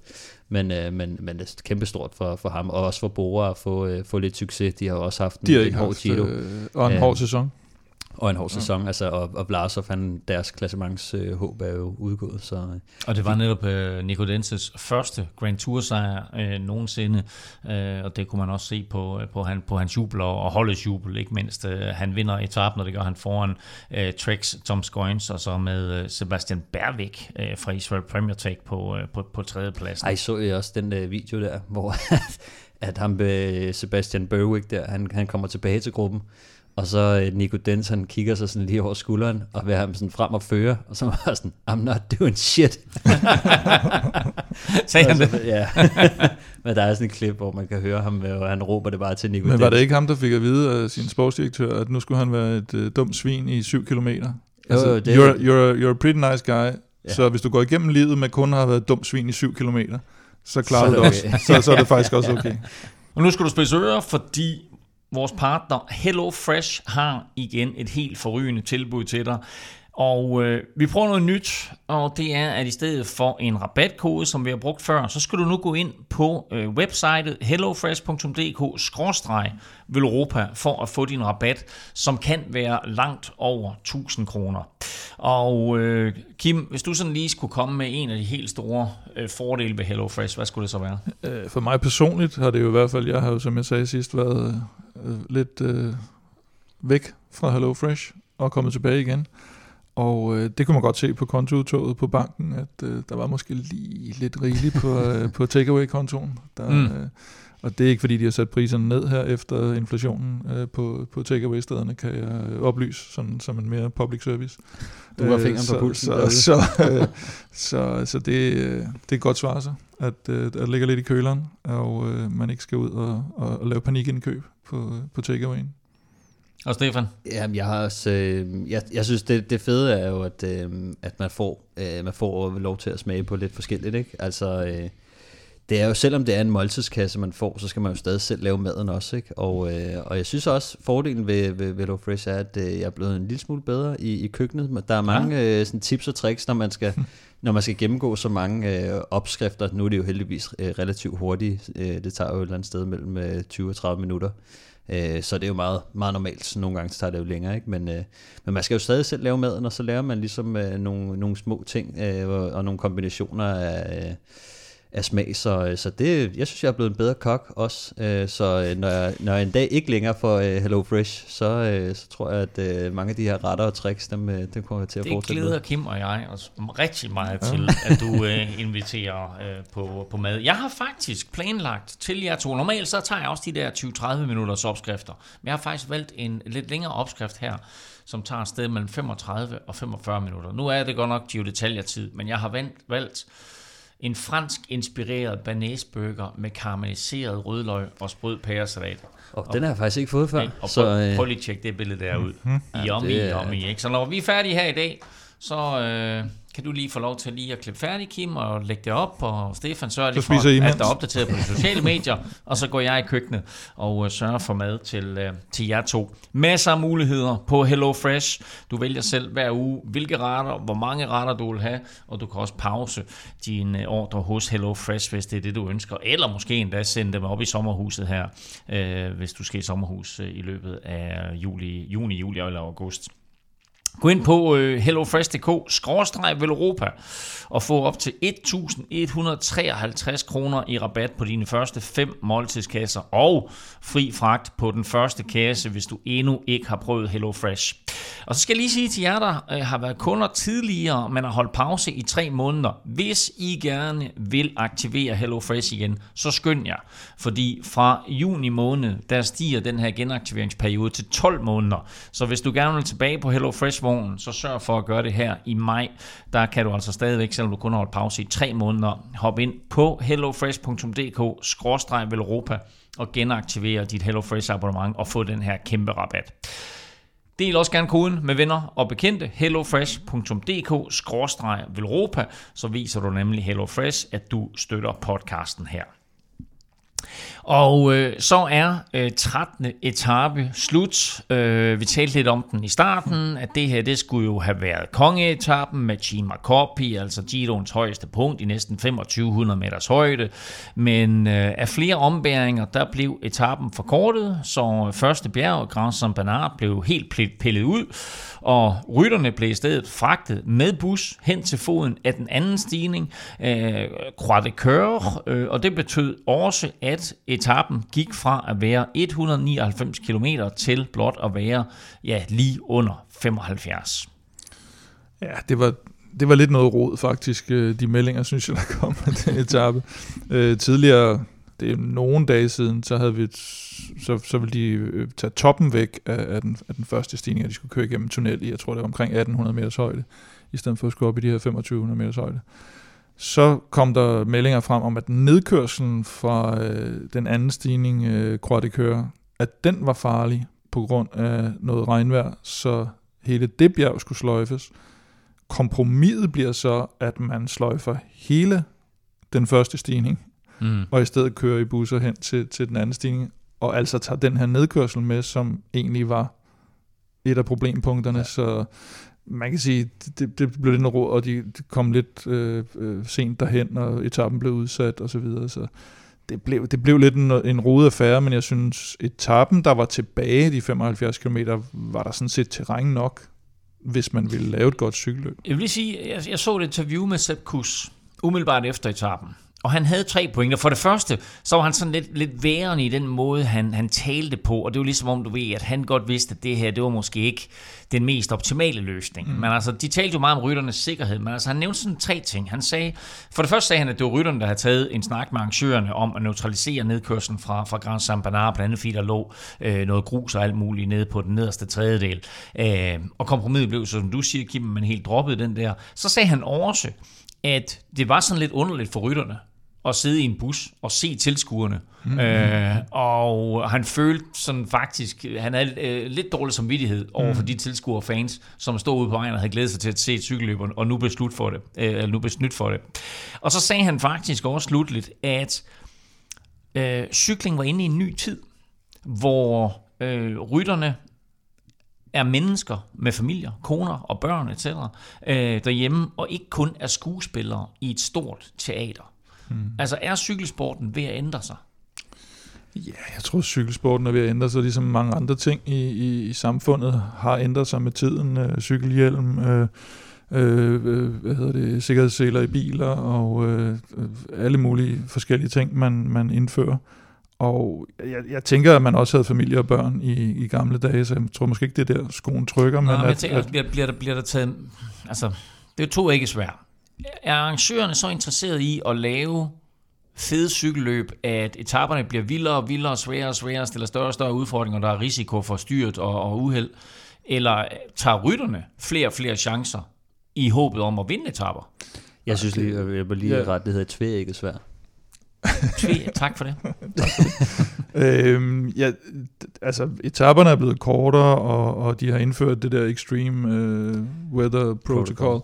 Så, øh, så jeg tror, sådan, der, er ikke, der er ikke noget, der bliver vildere i hvert fald. Øh, tværtimod, jeg tror mere, det er det her med, at man siger, det er mere normalt, at man tager nogle menneskelige hensyn, og hvor før, før i tiden, når de sendte rytterne ud på, altså der kan vi jo gå helt tilbage i tiden, hvor de selv skulle øh, lappe cykler og var inde og plyndre steder for at få noget at drikke og så videre. Ikke? Øh, det, er jo, det er jo bare en fortsættelse af det, kan man sige, men balancen i en sport som cykelsport er jo, at det her med, at den foregår ude i naturen, og der er de her forhindringer undervejs, og at det, det er en lille smule farligt. Altså man, hvis man vælger en sport som cykelsport, hvor man ved, at man kommer til at køre måske i omegnen af 100 km i timen ned ad et bjerg på to relativt tynde hjul, så er det jo ikke fordi, øh, man, øh, man, man ikke ved, at det kan være farligt. Men, men der er selvfølgelig hele tiden en grænse i forhold til nu her, der er rigtig mange rytter, der er udgået i forvejen, øh, halvdelen af feltet er syge, og, og altså, der, det skal jo heller ikke være sådan, at øh, det skal ikke bare være, netop som man siger, skuespil og, og folk, der bliver kastet ind i managen som, som et eller andet tyrefægtning. Øh, der skal selvfølgelig være mening med galskaben, men, men det er bare en balance, fordi der kommer jo også dem, der kigger på cykelløb, øh, og, sponsorer og fans, som siger, ja, men altså, det hjælper jo heller ikke, hvis netop vi bare kører i bus på alle etaperne. Øh, så, så, så bliver det ikke så sjovt. Jo. Ej, jeg ved, jeg... Så det er med at finde den der balance ja, jeg... mellem moderne og, og at det stadigvæk skal være, være spektakulært. Det, det, er, ja, det er jeg helt enig i, og, og som, som fans kan man jo godt lide at se det meget spektakulære. Altså mm. der, hvor at uh, den der helt mudrede paris eller den der helt vanvittige, mm. regnfulde bjergetappe osv., men men altså, der er, der er også noget, nu, nu når vi lige snakker om fans, øh, og jeg kan godt forstå, at Sepp Kuss, han måske sidder og kigger ud af vinduet og tænker, det bliver lidt ærgerligt, at vi skal ud og skuffe alle de her mennesker mm. øh, lige om lidt. Øh, så, så den er der også, men jeg vil også, også sige, for fansens skyld, synes jeg også, der er en pointe i, at, at uh, man ikke gør løbet mindre farligt, fordi at det er ikke sjovt at se uh, et cykelløb, hvor at uh, de kommer under 100 til, uh, til, til Milano, og altså, vi vil gerne se de gode cykler, vi har allerede set rigtig mange, der har styrtet. Theo Gergen Hart er en af dem, der, mm. der lige er udgået. Vi har set Gavidi har været nede flere gange. Vi har set Jay Vine øh, ryge ud. Vi har set Milan øh, ryge ned for nylig også. Så der er rigtig mange af de her rytter, som de, de styrter bare undervejs. De fleste kommer op igen. Der er nogen, der ikke gør det desværre. Øhm, men altså tendensen er jo generelt, at man bliver mere bevidst omkring sikkerheden. Det gør man mm. også i alle andre sportsgrene. Øh, det er jo ikke mere end 20 år siden, man begyndte at, at indføre, at nu skulle man køre med hjelm. Mm. altså, øh, så, så det er fair nok, synes jeg, at man, øh, at man begynder at kigge lidt mere på nogle af de vanvittige etapper. Nu er det også, det skal også ses i lyset af, at det har været ekstraordinært meget regn i Italien, og det ja. har regnet øh, 80% af tiden i, i, i Giro d'Italia indtil videre. Der er mange, der er blevet syge. Det er også noget, der sker, når man kører meget i dårligt vejr. Der er mange, der er styrtet, og øh, hvis man så kører den her bjergetap, som også er i ekstraordinært meget regn og kulde og nedkørsler, mm. øh, så mister man også øh, nogle stykker i, i svinget. Det, det er i hvert fald helt sikkert. Så jeg synes også for, for fans skyld, at, at man beskytter rytteren en lille smule, så vi mm. får øh, en fed duel i sidste ende også. Præcis. Og så samtidig, så synes jeg, der er jo ingen af de her rytter, vi, ved, vi kan godt lide at se øh, det spektakulære. Men der er ikke nogen af rytterne, tror jeg, øh, det var i hvert fald ikke det, jeg tænkte, da jeg øh, begyndte at cykle, at hold kæft, hvor vil jeg gerne ud og køre en eller anden vanvittig øh, regnværsetappe. Der kommer nogle af dem en gang imellem, ja, ja. og man svinger sig igennem det, og nogle gange går det godt, og nogle gange så, øh, så ender man øh, med at slå sig helt vildt. Øh, og, og det er måske bare det er måske en del af det, men, men nogle gange så kan det godt blive så åbenlyst, øh, at det her det er jo bare sindssygt. Altså, øh, og, og når man så det, det handler om nogle gange så kan man godt køre en uh, træningstur, hvor man er ekstra uh, forsigtig, men når man sætter de her ryttere ud på, uh, på et cykelløb, så vil der være nogen, der tager chancen. Mm. Og de andre, de bliver bare nødt til at, så det handler om, du skal følge med den mest sindssyge nedad. Altså sådan, det mest Men hvis skyld er det så? Er det så arrangørernes, eller er det rytternes? Øh, der er ikke noget skyld. Altså, det, arrangørerne kan lægge en rute, men de aner jo ikke, hvordan vejret bliver. Altså, de kan jo mm. bare håbe på, at hvis det sner øh, meget på den her bjergtop, så må vi sløjfe den. Øh, hvis det regner sindssygt meget øh, i løbet af, af, af vores øh, løb, så, øh, så er der mange, der kommer til at udgå, og det kan være, at man skal kigge på nogle sektioner, som bliver ekstra farlige, mere farlige, end, end man havde tænkt dem i, i første omgang. Så jeg, jeg synes, det, det handler lidt om, om, øh, om, hvor meget regn og sygdom øh, og styr, Men der har været. Vel i, det handler vel i bund og grund bare, at definitionen er vanvittig. Du siger, at det skal ikke blive for vanvittigt. Det er alle jo enige om, tror jeg. Ja, ja. Men hvordan definerer vi så, hvornår det er for vanvittigt? Præcis. Og nogen de synes, det er for vanvittigt når det er et eller andet, og nogen ja. synes, der skal være is på vejene, nogen ja. synes, det skal være, hvad ved jeg, under et eller andet, eller over et eller andet grader. Det kan du aldrig, Men de havde aldrig så, bare sætte sådan en facelist på Jeg det. tror, at det, rytterne, de, jeg tror ikke, det, jeg tror ikke, de tænker på, at øh, ej, jeg, jeg overgår ikke at køre regnvejr, så lad os lige droppe det. Altså, de tænker mm. ikke på den måde. Altså, de tænker mere på, øh, de tænker mere på at kunne komme igennem det her cykelløb fysisk set. Altså sådan. Altså, vi, havde, vi havde en etape i Giroen, inden var det sidste år eller forrige år, som blev afkortet simpelthen, fordi nu er rytterne trætte af, at alle etaperne i Giroen skulle være 200 plus kilometer. og så, så blev de sure, og så havde vi den der konflikt, øh, hvor de mm. nærmest var ved at strække, og så blev etappen faktisk afkortet. Og jeg kan huske, Giroens boss på det tidspunkt øh, var, jeg var ude i pressen og nærmest skæld ud på rytterne. Ikke? Her er det selvfølgelig sikkerhed, det drejer sig om. Det er noget helt andet. Øh, men altså, er, er rytterne og Rytterforeningen, er, er de ved at få for meget magt af det der Extreme Weather Protocol, er det ved at, at tage over? Altså kan man, kan man påberåbe sig den i for mange tilfælde? Det, det er jo lidt ligesom en fagforening, ikke? Altså det er jo rytterne, der samles før i tiden, så den her CPA-organisation, som øh, de havde jo Gianni Bugno i, i front, og der var jo ingen opbakning, og der var ikke, altså det var så ustruktureret, der var ikke rigtig noget, der fungerede. Nu har man så placeret Adam Hansen øh, som chef for det her, som så samler rytterne, og de har jo så afstemt øh, dagen for inden, altså øh, hvad, hvad, hvad skulle de gøre, altså, og øh, der havde de har så stemt anonymt, og jeg tror det var over 80 procent, der havde øh, stemt for, at øh, eller de, havde, de skulle have over øh, 80 procent for, at det ville, øh, for at de ville gå videre med det. Mm. Og så tror jeg, der var over 90 procent, der havde øh, stemt for, at øh, de synes, der skulle gøres noget. Og så skulle de prøve at finde ud af, hvilken konstruktion skal det så være. Det skal de jo så snakke med, med arrangøren om. Og jeg tror, det, det jeg hørte som det første udkast var, at de skulle køre flat øh, hele vejen til, øh, til den sidste stigning. Mm. Øhm, så det, jeg tror ikke, det var tiden på cyklen, det er mere det der med det farlige element øh, af at køre op ad et bjerg i regnvejr, og så den, og tage lange nedkørsler, som også er farlige, hvis vi så øh, specielt øh, den anden stigning. Det var den, der var mest snak om, da vi så nedkørslen på den. Mm. Den er altså også, den er også rimelig vanvittig. Altså, øh, Men de holdt sig også i ro på nær øh, den, lillebror øh, Paris Ja, ja. Men, men man kan sige, jeg, det, jeg synes, det er interessant også, det han siger, Sepp Kuss, med det der med tilskuerne, og han vil ikke skuffe tilskuerne.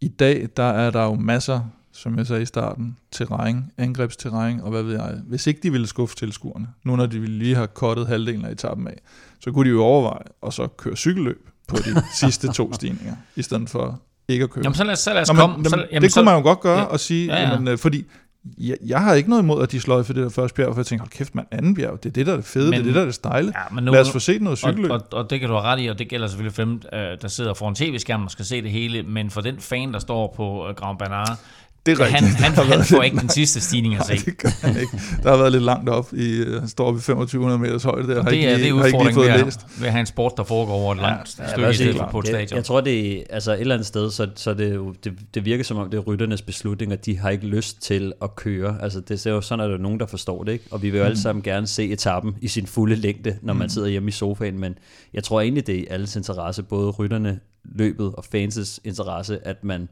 øh, ikke øh, gøre det mest vanvittige. Altså, mm. Altså, så selvom jeg også sad og tænkte, at det kunne have været meget fedt at se den etape, så kan jeg 100% forstå, at hvis det var mig, der sad i den situation, øh, og skulle ud og køre vanvittige nedkørsler i pæsøsen regnvejr, mm. med tanke på, hvor mange der egentlig er, er, er udgået indtil videre, øh, og hvor miserabelt det egentlig har været øh, indtil nu. Mm. Altså så på et tidspunkt, så når man sådan en grænse, hvor man tænker, ej, altså vi kan simpelthen ikke blive ved med at, nej, nej. At, at køre sådan nogle vanvittige uh, regnvejrsetapper. Men set fra tilskuernes side kan man jo også sige, at ja... Jo, og nu undskyld, øh, ja. i alles interesse, altså hvis, hvis, de, hvis der er så mange, der udgår, så skader det løbet, det skader underholdningsværdien, og det skader også de rytter, der udgår, fordi at Øh, nu ser vi, Tau Genhardt, han har brækket hoften. Altså, hans sæson er slut, mm. formentlig. Øh, så det, han har kørt og trænet for, jeg ved ikke hvor længe, og, og kæmpet for, der er hvad hedder det, øhm, jeg ved ikke, der er nogen, der måske skal, skal køre for en kontrakt, øh, der skal ud og levere mm. noget, og en etape sig et eller andet resultat, de skal gøre for at blive ved med at være cykelrytter. Så de er jo også lidt interesseret i, at sådan, øh, at, altså, jeg tror bare, det er alles interesse, at, øh, at man lige holder lidt igen en sjældent gang imellem. Mm. Og det blev gjort i dag. Øhm, øh, også nede i, i, hvad skal vi sige, i, øh, i favoritgruppen, fordi mm. de havde lidt våbenhvile igen, men øh, etappen øh, som sådan øh, blev ganske underholdende, i hvert fald op foran. og øh, I plejer jo at bruge udtrykket en ordentlig egner om et stort bjerg. Og i dag, der var det faktisk en ordentlig egner, der vandt. ja, det er ikke engang løgn. Det er faktisk ikke engang løgn. Ejner Rubio. Ja, det var en... Øh det var en spektakulær måde, det udbrud blev kørt på. Der, der er nogle stykker, der stikker afsted til sidst, så sidder de her Thibaut Pinot, specielt Thibaut Pinot og Jefferson Cepeda fra, øh, fra EF, at de bliver simpelthen decideret tosset på hinanden undervejs, og prøver at sidde og råber hinanden, gestikulerer, prøver at køre fra hinanden, så kører Pinot fra ham, så bliver han hentet, så kører den anden fra, og så, og til sidst så ender det så med, at øh, Ejner, der har ligget og været blevet sat af dem 500 gange op af, af, af stigningerne, at han simpelthen snyder dem i spurten. Så, så på en eller anden måde var det jo... De brændte øh, alt krudtet af på at ja, være sure på den og på at stikke af, og Ejner han kørte det samme malende tempo hele vejen og hentede dem gang på gang, og da de så kommer ind til spurten, så har han jo så overraskende han, mange kræfter. og, og det kan undre sådan lidt, hvad der... Altså jeg har stadigvæk ikke helt forstået, hvad, hvad det var, de blev så sure på hinanden over. Altså jeg, jeg er med på, at Pinot vil selvfølgelig godt lidt hurtigere frem, fordi han også kører noget, noget klassement, han vil også godt have de her bjergpoint, så han vil være sikker på, at feltet ikke hente dem. Men altså, mere var det heller ikke, så de burde jo kunne have fundet ud af at køre bare sådan nogenlunde sammen, når man kan sige, lidt som fortjent, så bliver deres øh, taktiske øh, mærkeligheder bliver, bliver straffet i, i slutningen af etappen. Ikke? Ja, jeg tror, jeg havde virkelig troet, at, at Pinot han ville være stærk nok til at, til at tage den der, også med alle de angreb, han satte ind, ja. men han fik bare kæmpet sig tilbage. Jeg tror også, frustrationen for Pinot ligger i, at han er sådan lidt, lad os nu arbejde sammen. Ja. Uh, bare en lille smule. Altså, fordi han sad også og førte meget, og det var også en af grundene til, at han angreb så meget, det var, at de andre var meget defensive. Ja. Men sådan er det jo også nogle gange, at... at og man kan også se, ham der, der han, øh, han sprang bare føring over hele tiden, og det var ja. ikke kun Pinot, der blev irriteret på ham. Nej, han var nej, pisse irriterende. Det altså, var, men altså, det er jo... Nogle gange så er der sådan nogle typer der, ja. ikke? Og, og øh, det kan øh, bringe pisse i ko. Øh, og det var på det her dalstykke, der var mellem øh, ja. den næst sidste stigning og den sidste stigning. Der var det jo væsentligt, at den her frontgruppe arbejdede ordentligt sammen. Man kan sige, opad, der kan de jo ligge og gøre, hvad de vil. Men på sådan flad, flade 20 km, der er det jo vigtigt, at de lige får, ja. får kørt, kørt rundt. Og jeg kan love dig for, at man lægger mærke til, når folk ja, ja. de ikke tager deres føringer. Altså det, bliver det opdager man lynhurtigt. Altså at ham der, han har ikke ført nu øh, et par gange. Nu må han altså snart til at komme, komme fremad. Mm. Og, og på et tidspunkt, det, altså, man, at det bliver nævnt 100%, at han fået det at vide øh, allerede et par gange, inden at øh, Pinot han bliver skidesur til sidst. Altså det er jo det sidste, man ser, det er, nu kan det kraftedme være nok. Altså, Jamen han og, råber og ham jo også direkte ind i hovedet det, på et tidspunkt. Det jo, på en eller anden måde, så, så er det også ufortjent. Altså øh, det, det, når man ikke tager sin del af arbejdet, og så snyder de andre til sidst. Og sådan nogle der, når man ikke gør, når man ikke gør sit arbejde, og man ikke sådan helt har fortjent den, fordi man har siddet og sprunget lidt for meget over, det kommer tilbage efter dig. Altså, det gør det bare. Øh, der har stedet nogle rytter omkring ham, og der er nogen, der har set det der, og de, næste gang de sidder i en gruppe ja. med ham, så kan jeg love dig for, så snart han springer over første gang, så siger de, nej, den går ikke. Og så stopper de bare. Altså, Men nu det, endte det jo heldigvis med, at han faktisk ikke vandt, fordi de, de, de ja, begge to det. blev snydt Karma, af, de, de blev begge to snydt af, af Ejner, fordi uh, Ejner Rubio, han vandt etappen. Thibaut Pinot, Pinot blev, blev øh, højst sandsynligt ærgerlig øh, over kun at være to, men han kører sig ind i top 10, og han kører sig faktisk også i bjergtrøjen, så mm. han fik da øh, lidt ud af, af den her etape, og så altså ham med Jefferson til Peter der, som du siger, Kim, bliver træer. Ja, så, så synes jeg også, vi bør nævne, at som jeg lidt har nævnt, der ikke rigtig sket noget i, øh, i, i favoritgruppen. Øh, Hugh Carty prøvede lidt med et lille fremstød, han fik vel 20 sekunder som det maksimale. Eddie Dunbar forsøgte inden for den sidste kilometer, Caruso var også fremme lige at, at prøve, mm. men ikke sådan for alvor noget. Og hvis man skal være sådan lidt, øh, hvad hedder sådan noget, djævelens advokat, havde han sagt, at vi, hvad er vi et par uger inde i Ginoen?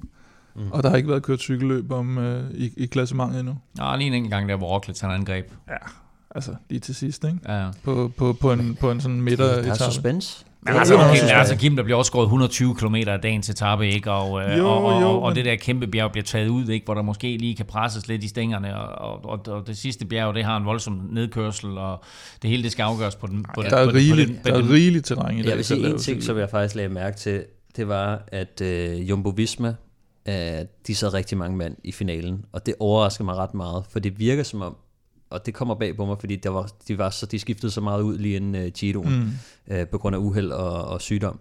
Uh, så tænker jeg, at de kommer ikke til at være helt klar. Det Jumbo-hold der. De, uh, de har altså ikke trænet specifikt op til Giroen, så, så de må være lidt uh, bagom. Men vi ser altså, Roglic sad der selvfølgelig. Sepp Kuss, han var med i frontgruppen. Mm.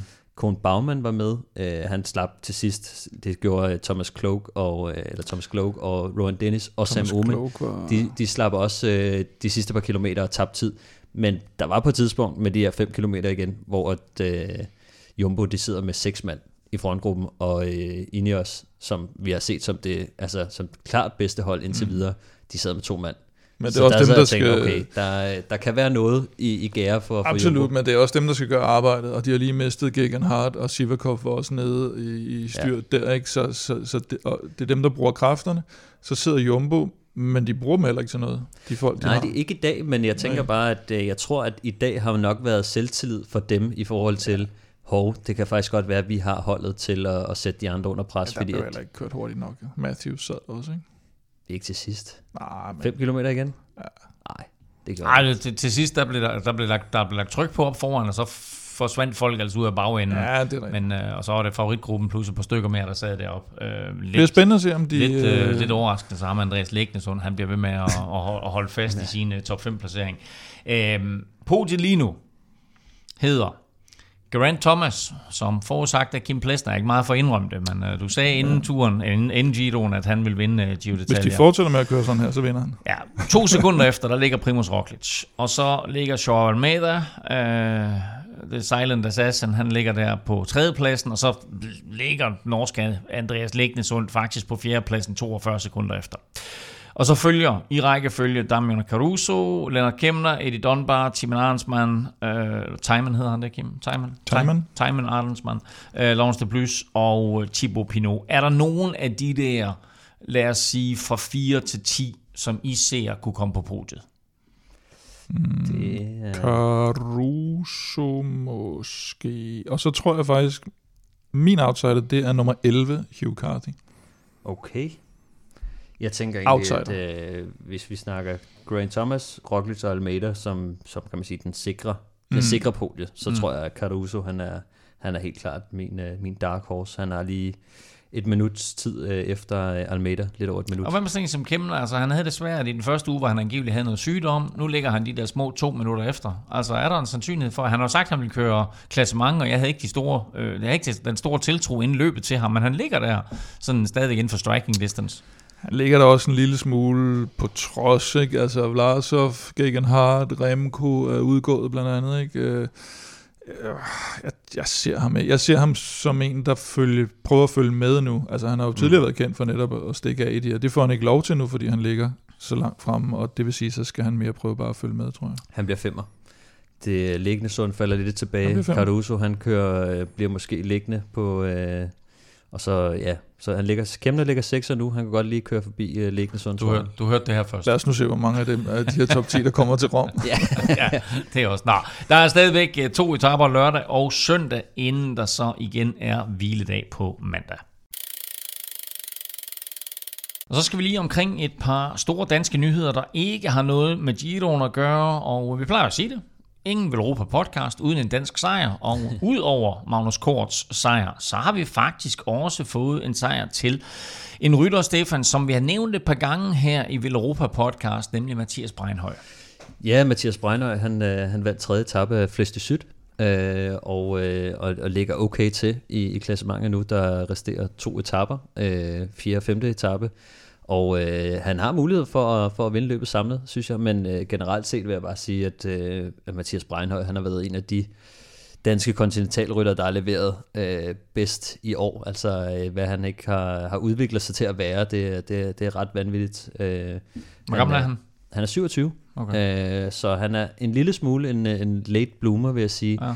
Øh, da jeg kørte med ham øh, for, eller mod ham for, øh, for, for nogle år siden, det er jo efterhånden en, en fem år siden eller sådan noget, øh, der var han slet ikke lige så stærk. Altså der var han en, der, der havde lidt næse for at køre cykelløb, men, men ikke havde så meget øh, fysisk overskud. Og, øh, og hans udvikling er bare gået step by step i den, i den rigtige retning, øh, og nu ligger han og vinder øh, UCI-løb, og det er, det, det er ret stort. Så jeg håber, at øh, han fra næste år Øh, hvis han holder gang i den, så, så er han helt klart i søgeløset hos, øh, hos nogle af de her pro-teams, øh, i hvert fald. Øh, hvis han kan komme op på, på Worldturen, så vil det være, øh, så vil det være rigtig stort, men, øh, men som minimum vil jeg tro, at der, der er nogle øh, pro-teams, der, der kigger lidt på ham. Vi holder øje med øh, Mathias Breinhøj og håber på, at, øh, at han øh, kan øh, i, en, i en lidt sen alder jo få, få godt gang i karrieren. Og Kim, så øh, i fire dage ved Dunkirk, der er der nu faktisk kørt fire dage, og mm. Kasper Eskren, han har vundet. Nej, de kører jo så seks Nå. dage i fire dage ved Dunkirk, som, øh, det, lo, som det logisk øh, forholder sig. Øh, nej, men vi fik jo en rigtig god i går, tror jeg det var. Der fik vi jo en rigtig god enkeltstart dernede, hvor det eneste bøvl var, at ham her Benjamin Thomas fra Kofidis, han vandt. Øh, men så blev øh, Sweet Larsen, Niklas Larsen, blev toer. Askren 3'er og Lasse Normand 6'er. Øh, og, og dejligt at se Niklas Larsen tilbage. Ja, det vil jeg sige. Det ja. var vel øh, det, det, det, det positive. Ham har vi savnet. Også. Ja. også på dansegulvet, ja. og, øh, og så godt at se, at Askren vil er, er ved at køre sig i, i turform, må man formode. Og, øh, og han overtog jo så faktisk føretrøjen I efter dag. i dag, fordi at øh, Tomar han blev sat derude, eller mistede i hvert fald tid på, på, på dagens etape. Han mistede over halvanden minut, og øh, Askren lå to efter gårdsdagens øh, enkeltstart. Og han fører nu altså fire dage ved Dunkirk øh, hvor der er kørt fire dage, men stadigvæk resterer to. øh, han fører der, han har 6 sekunder ned til Ethan Vernon, og så med Olaf Køj på, øh, på tredjepladsen. Øh, så det ser godt ud for, for Kasper Askren. Også super, super dejligt at se øh, Kasper tilbage, og lad os endelig håbe, at, at han efter øh, skade og mm. øh, Jess lige øh, er tilbage og får noget succes her øh, i Dunkirk. Vi skal øh, tilbage til, øh, til Giro, og vi skal kigge frem mod de næste fire etaper, og det hele begynder allerede lørdag, hvor du formodentlig måske nok hører den her podcast. Det ligner, Stefan, igen en sprinteretappe sprinter-etape på, på 14. etape. Øh, alternativt en, en udbrudsetappe, men må ikke fælles hurtigste igen glæder sig til at komme i rampelyset efter, efter dagens godt nok noget forkortet bjergetappe.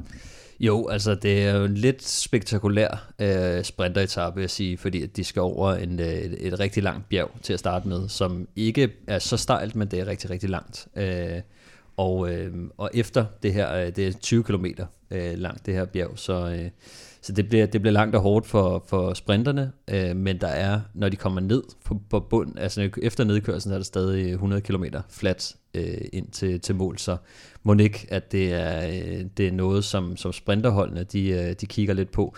Nu vil jeg sige, der er ikke så mange sprinter tilbage, mm. øh, så, så det kan også godt blive en udfordring, hvis ikke at de ligesom holder sammen og, og, og har snakket lidt om det, øh, og, og har lagt en plan for den her etape, fordi at det her bjerg, der kunne sagtens skabe en, øh, en stor udbrydergruppe, og det er også noget af det, vi ser øh, senere hen i, i Grand Tours, at der er nogen, der falder fra, så ændrer planerne lidt, og, og ofte så er plan B jo altid at køre efter etaper med, med de resterende rytter, og øh, det gør øh, Trek jo nu, øh, når de har mistet mass, så skal de jo nok ikke køre til at køre for en spurt, og det er der også øh, mange andre hold, der, der har samme øh, mm. taktik.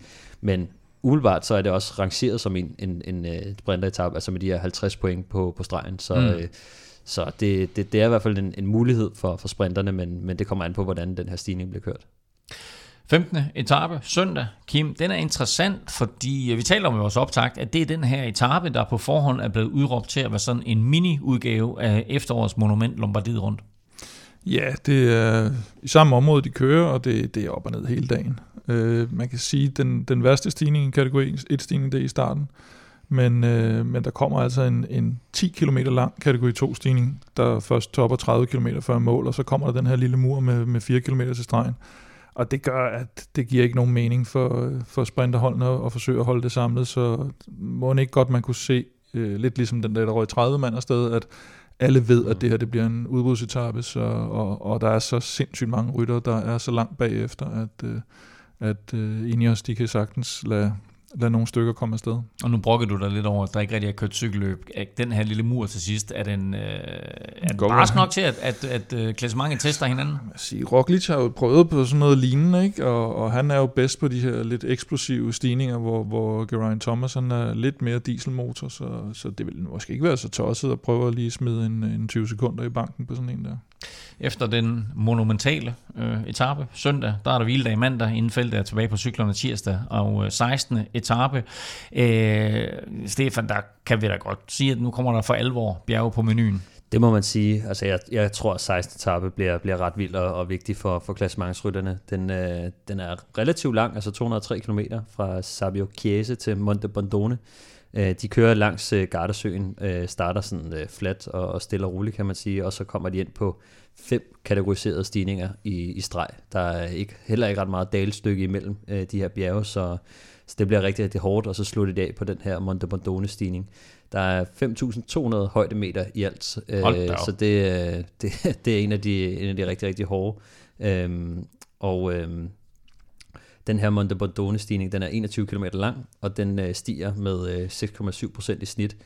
Øh, der er et hvil på midten, øh, cirka 4 km, hvor den flader ret meget ud, hvor vi kommer ned på sådan noget 3%.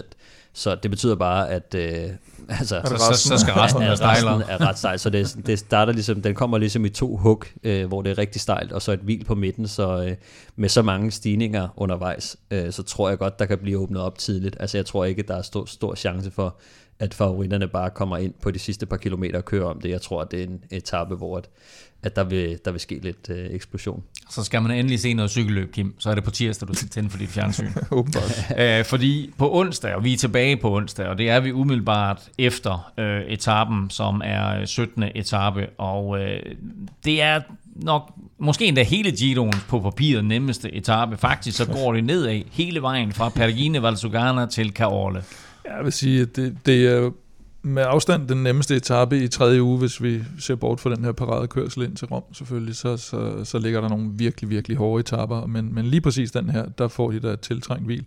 Øh, sidste chance inden øh, Rom for sprinterne, øh, med, med al sandsynlighed, og øh, altså hvis der er flere sprinter, der har valgt at, at køre videre der, må ikke Jonathan Milan, han er, han er med.